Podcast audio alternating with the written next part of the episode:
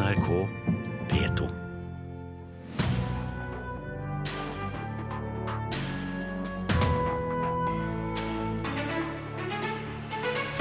I neste uke sensureres norsk internett mot piratsider.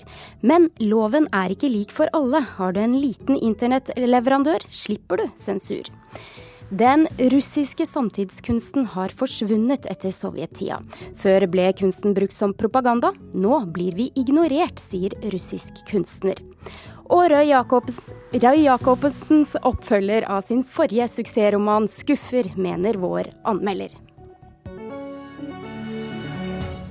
Du hører på Kulturnytt. Mitt navn er Stine Tråholt.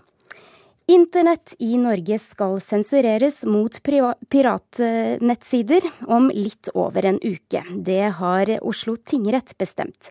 Men sensuren er ikke lik for alle, slik Telenor og de andre store nettilbyderne har hevdet til nå. For de små nettleverandørene er nemlig ikke omfattet av denne dommen. Lynet internett i Oslo er en av de. Internett har alltid vært fritt og åpent. Nå er det altså innført sensur. Vi er redd for hvor dette skal stoppe. Det sier daglig leder av Lynet internett, Christian Veiby Moen. Sett opp mot størrelser som Telenor, NextGen, Tell og Altibox representerer han en mygg. Lynet internett har bare 16 000 kunder. Men å være liten har også sine fordeler. Om litt over en uke kan den lille Oslo-bedriften fremdeles tilby et fritt og usensurert internett til sine kunder, når de store blir nødt til å blokkere. Vi vil ikke stenge disse sidene for våre kunder, og vi er heller ikke pålagt å gjøre det. Det er en fullstendig seier for eh, norske rettighetshavere, både på film og musikk. Det sa en jublende Willy Johansen i Rettighetsalliansen i forrige uke etter seieren i Oslo tingrett. Norges åtte største internettilbydere ble pålagt å blokkere en rekke piratsider, herunder The Pirate Bay, innen 14 dager. Ja, dette gjelder alle internettilbydere i Norge. Det er så viktig med, med denne dommen fra tingretten at den får fast at dette skal gjelde alle internettleverandører, ikke kun de som tilfeldigvis er, er på listen en gang. Sa Øyvind Husby i Get. Alle internettilbydere skal behandles likt, og at hvis én skal stenge, så skal alle stenge. Sa Toril Uribari i Telenor. Men der tok de feil, sier advokat i medierett Jon Wessel Aas. Det høres litt merkelig ut, jeg er ikke sikker på hva de mener med det. Men denne avgjørelsen gjelder jo selvfølgelig bare direkte overfor de internettleverandørene som var parter i saken. Vi leste det slik at det gjaldt kan si, for alle internettleverandørene, men det er jo da basert på de åtte som er begjært i denne saken. Innrømmer Uribari i Telenor i etterkant. Det finnes 160 internettleverandører i Norge, men piratdommen gjelder altså bare for de åtte største. Vi stilte derfor Telenor dette spørsmålet. Hva tenker Telenor om å tilby en blokkert versjon av internett til deres kunder, når andre leverandører slipper å blokkere? Det er jo underlig for så vidt at en kjennelse eh, gjelder nesten alle, men ikke alle. Det vil jo nesten være som å si at på en bilstrekning så kan noen biler få lov å kjøre i 110, mens andre bilmodeller må kjøre i 80. Direktør i IKT Norge Torgeir Waterhouse er en av dem som har vært mest skeptiske til internettblokkering de siste årene. Når Pirate Bay-dommen fører til at noen nordmenn får et sensurert internett, mens andre ikke får det, viser det at loven ikke er god, sier han. Det er ikke en heldig situasjon at, eh, at man får en sånn kjennelse som omfatter noen, men ikke alle nettleverandørene.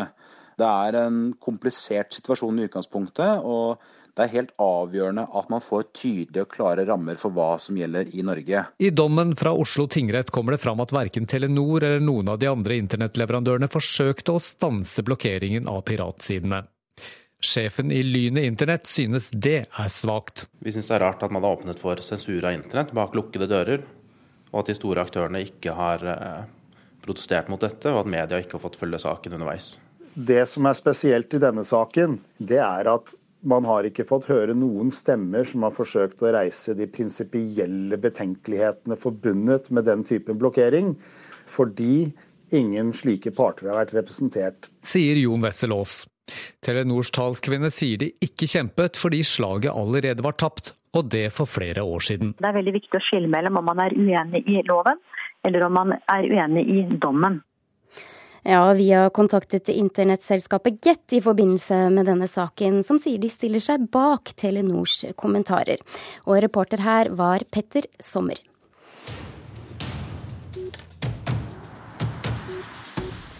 Russlands samtidskunst har nærmest forsvunnet etter sovjettiden. Det mener billedkunstner Sergej Terentev, som nettopp har avsluttet et arbeidsopphold i Kirkenes. I mange år var russiske kunstnere blant de fremste på flere kunstfelt, og nå er situasjonen snudd helt på hodet.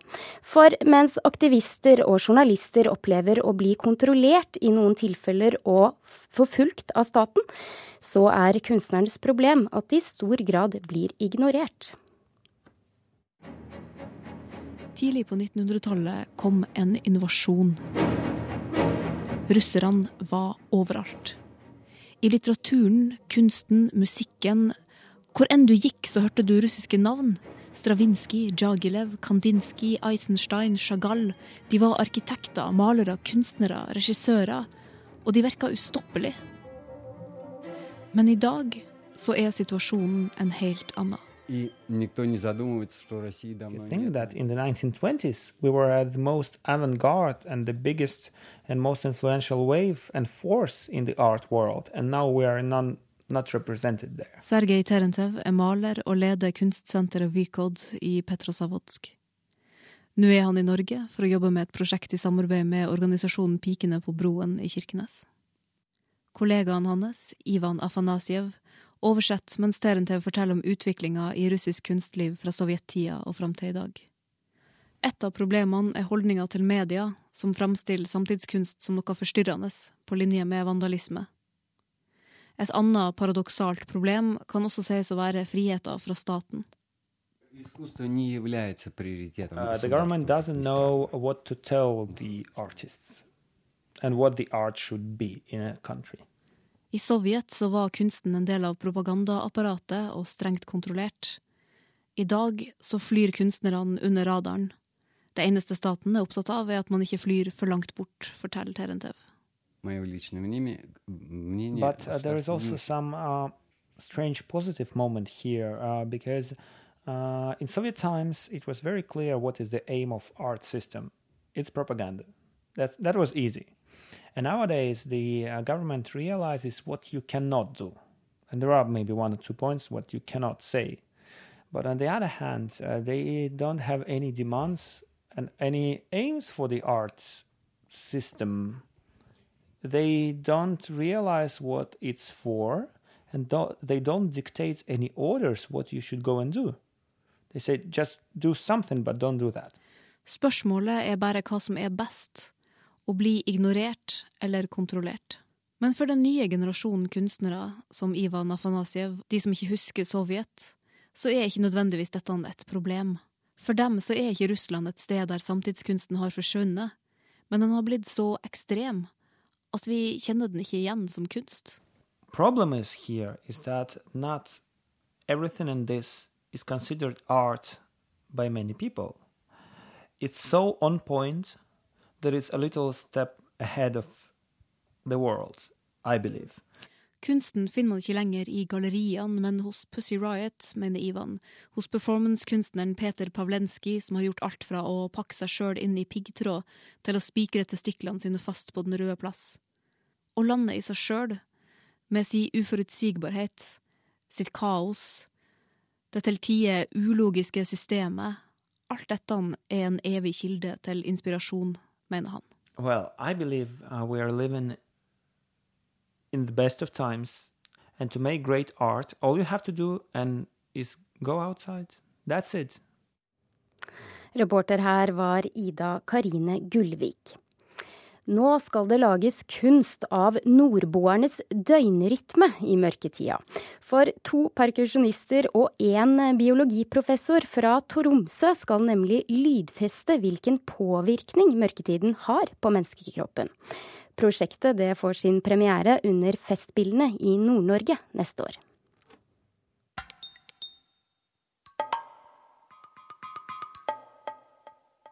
Overskriften vår heter døgnrytme. Prøv å lydfeste nordboerens døgnrytme som preges av det arktiske klimaet. Det er en sånn type tema som man, man kan kjenne seg igjen i.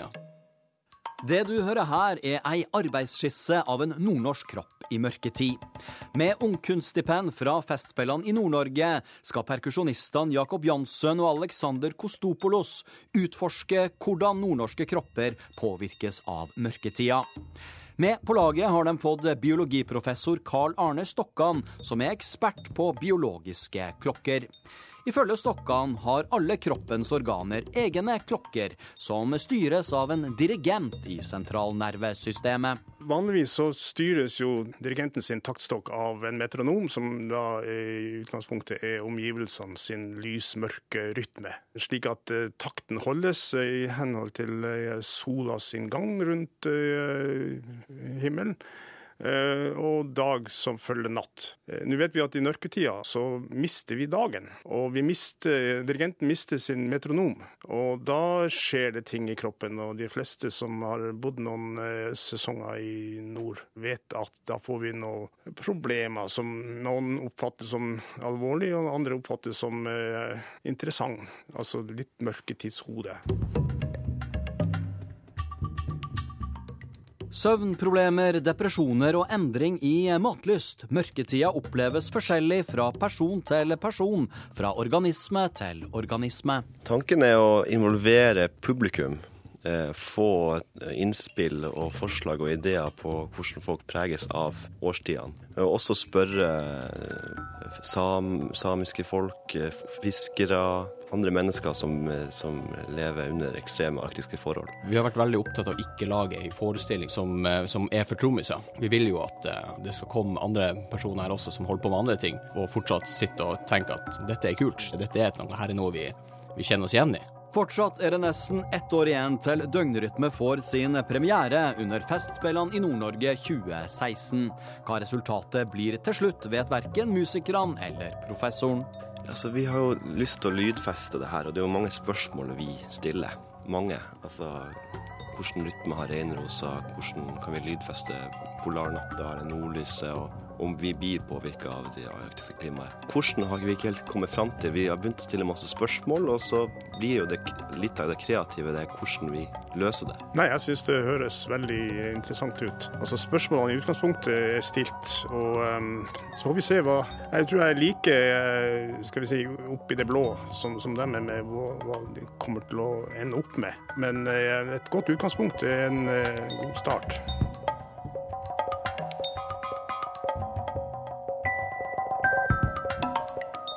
Det er en del jobb som gjenstår.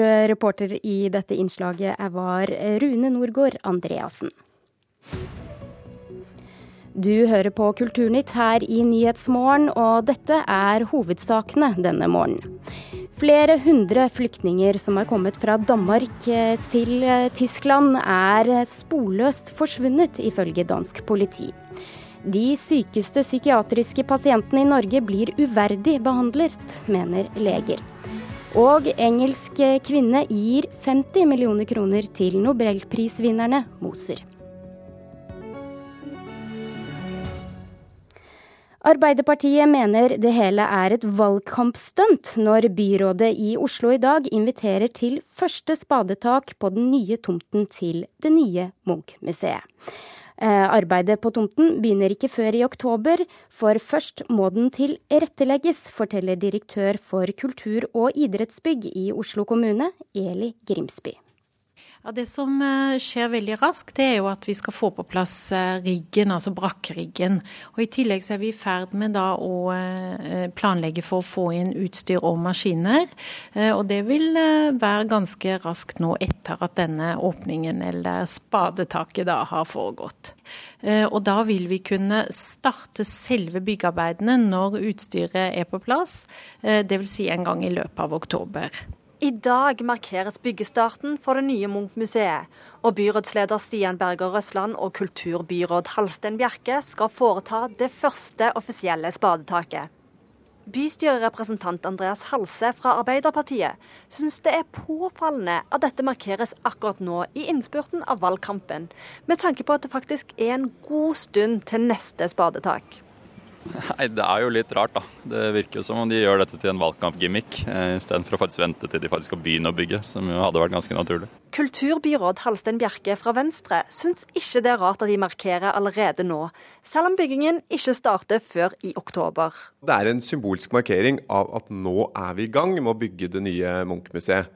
Det var eh, mitt mål da jeg ble kulturbyråd for fire år siden, at eh, det som har vært en betent stridssak i Oslo-politikken gjennom mange år, skulle løses. Nå er den løst.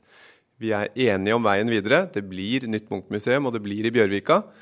Og denne høsten begynner vi byggingen. Om fire år står det nye Munch-museet ferdig. Men jeg tenker, det er ikke noen skam å innrømme at det er litt strategi?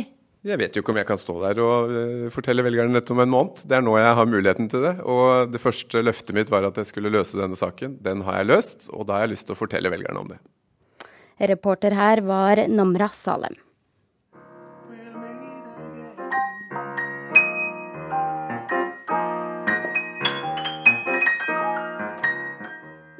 Ja, Slik eh, høres det ut når den nye pianisten til NRKs populære fredagsprogram Beat for beat spiller. Og han får du møte litt senere her i Kulturnytt.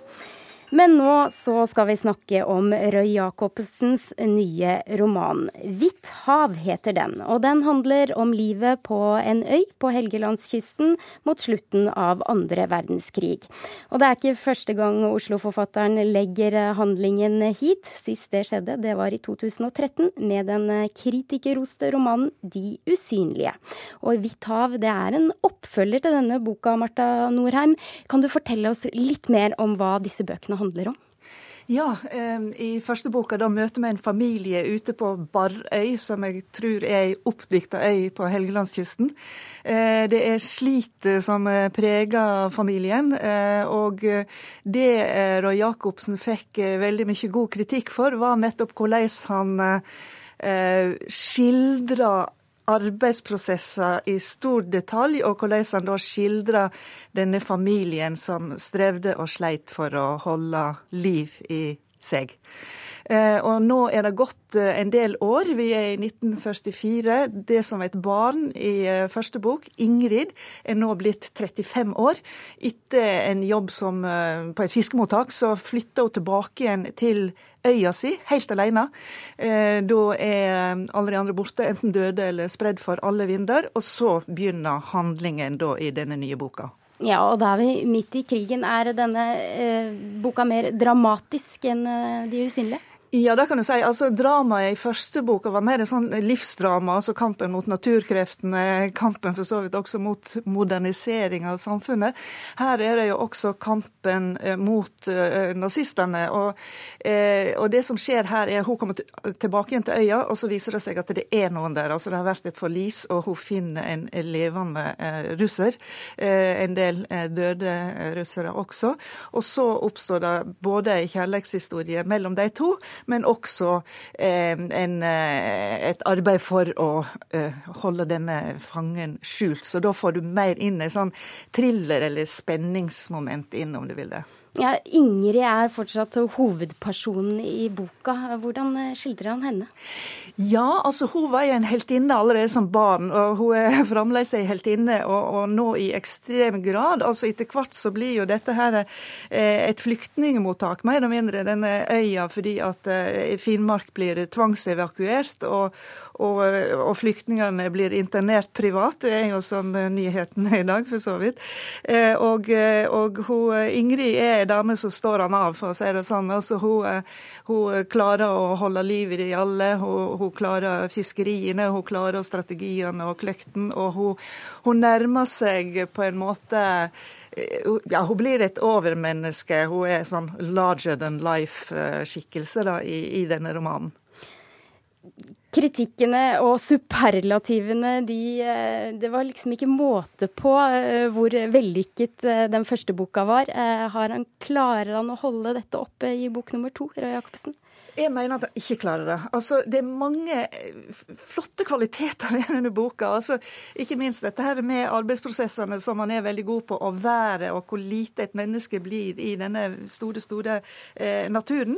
Men eh, jeg sliter litt med denne heroiseringa og og, og, det er noe med eh, Hvis du går for langt i å gjøre et menneske fantastisk, så, så kan det nesten bikke over og bli ufrivillig komisk. Og, og noen av eh, historiene her, noen av situasjonene, er melodramatiske på den litt sånn kinkige måten der jeg som leser melder meg litt ut og tenker nå ja.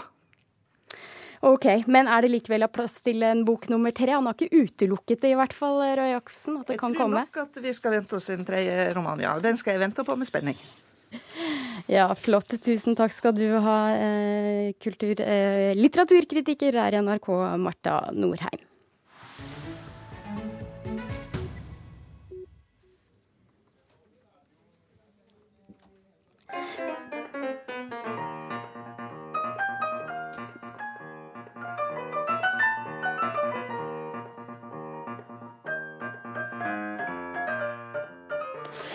Ja, dette er lyden av eh, Beat for beat-pianist eh, Gisle Børge Styve sammen med arvtakeren. For nå er det klart at det er Lars Andreas Aspesæter som overtar eh, pianokrokken etter Styve, som har sittet der i 16 år. Og vi skal høre hva Styve sier om sin nye arvtaker.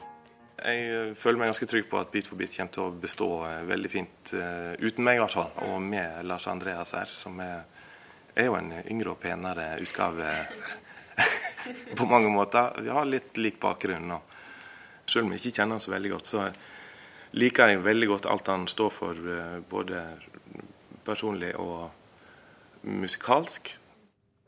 Lars Andreas Aspesæter, eh, gratulerer med ny jobb. Hva syns du om disse skussmålene fra Styve her?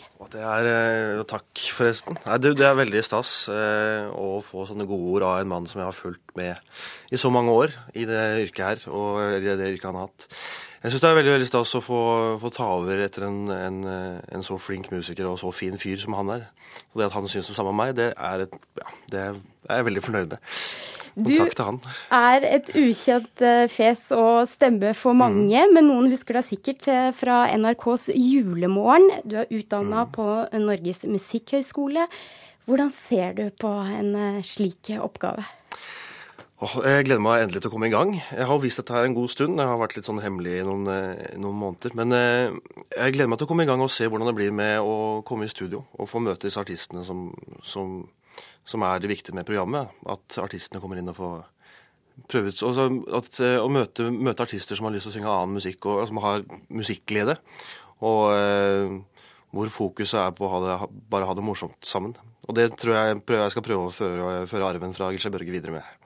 Ja, dere skal ha det morsomt, som du sier. Men ja. likevel så er det jo eh, sikkert krevende eh, som pianist om å kunne ta låter som er mer eller mindre forberedt sånn eh, på jo, strak arm? Det er jo det. Er jo det. det er, eh, man må ha en ganske stor bank med låter inne og, og, kunne, og, kunne, hoppe på ting man ikke, kanskje ikke helt kan, og låter man kanskje har hørt litt. Og, så det blir nok mye å sette seg ned de neste ukene og sette seg ned og, og forberede og høre på mye musikk. Og sjekke ut hva slags type musikk som artistene som vi har på besøk, hører på. Og prøve å forberede seg litt på det. Mm. Ja, hva, hva, hva er din eh, favorittsjanger? Jeg, veit ikke. Jeg er ganske allsidig i musikksmak. Eh, heldigvis. Jeg liker veldig mye forskjellig. Eh, jeg er utdanna jazzpianist, men eh, jeg hører like mye på pop og soul og hiphop og country, for den saks skyld. Og det er ikke bare du som er ny i denne rollen. For fra neste sesong så får du med deg Atle Pettersen. Han har vi vekt opp nå på telefon. Atle, er du med oss? Jeg er med dere, vet du. Så bra. Altså, Neste sesong så tar du over som eh, programleder etter eh, Ivar Dyrhaug, som har sittet eh, 16 år i denne jobben. Er det et visst forventningspress på deg også her? Eh, det vil jeg tørre å påstå at det er, ja.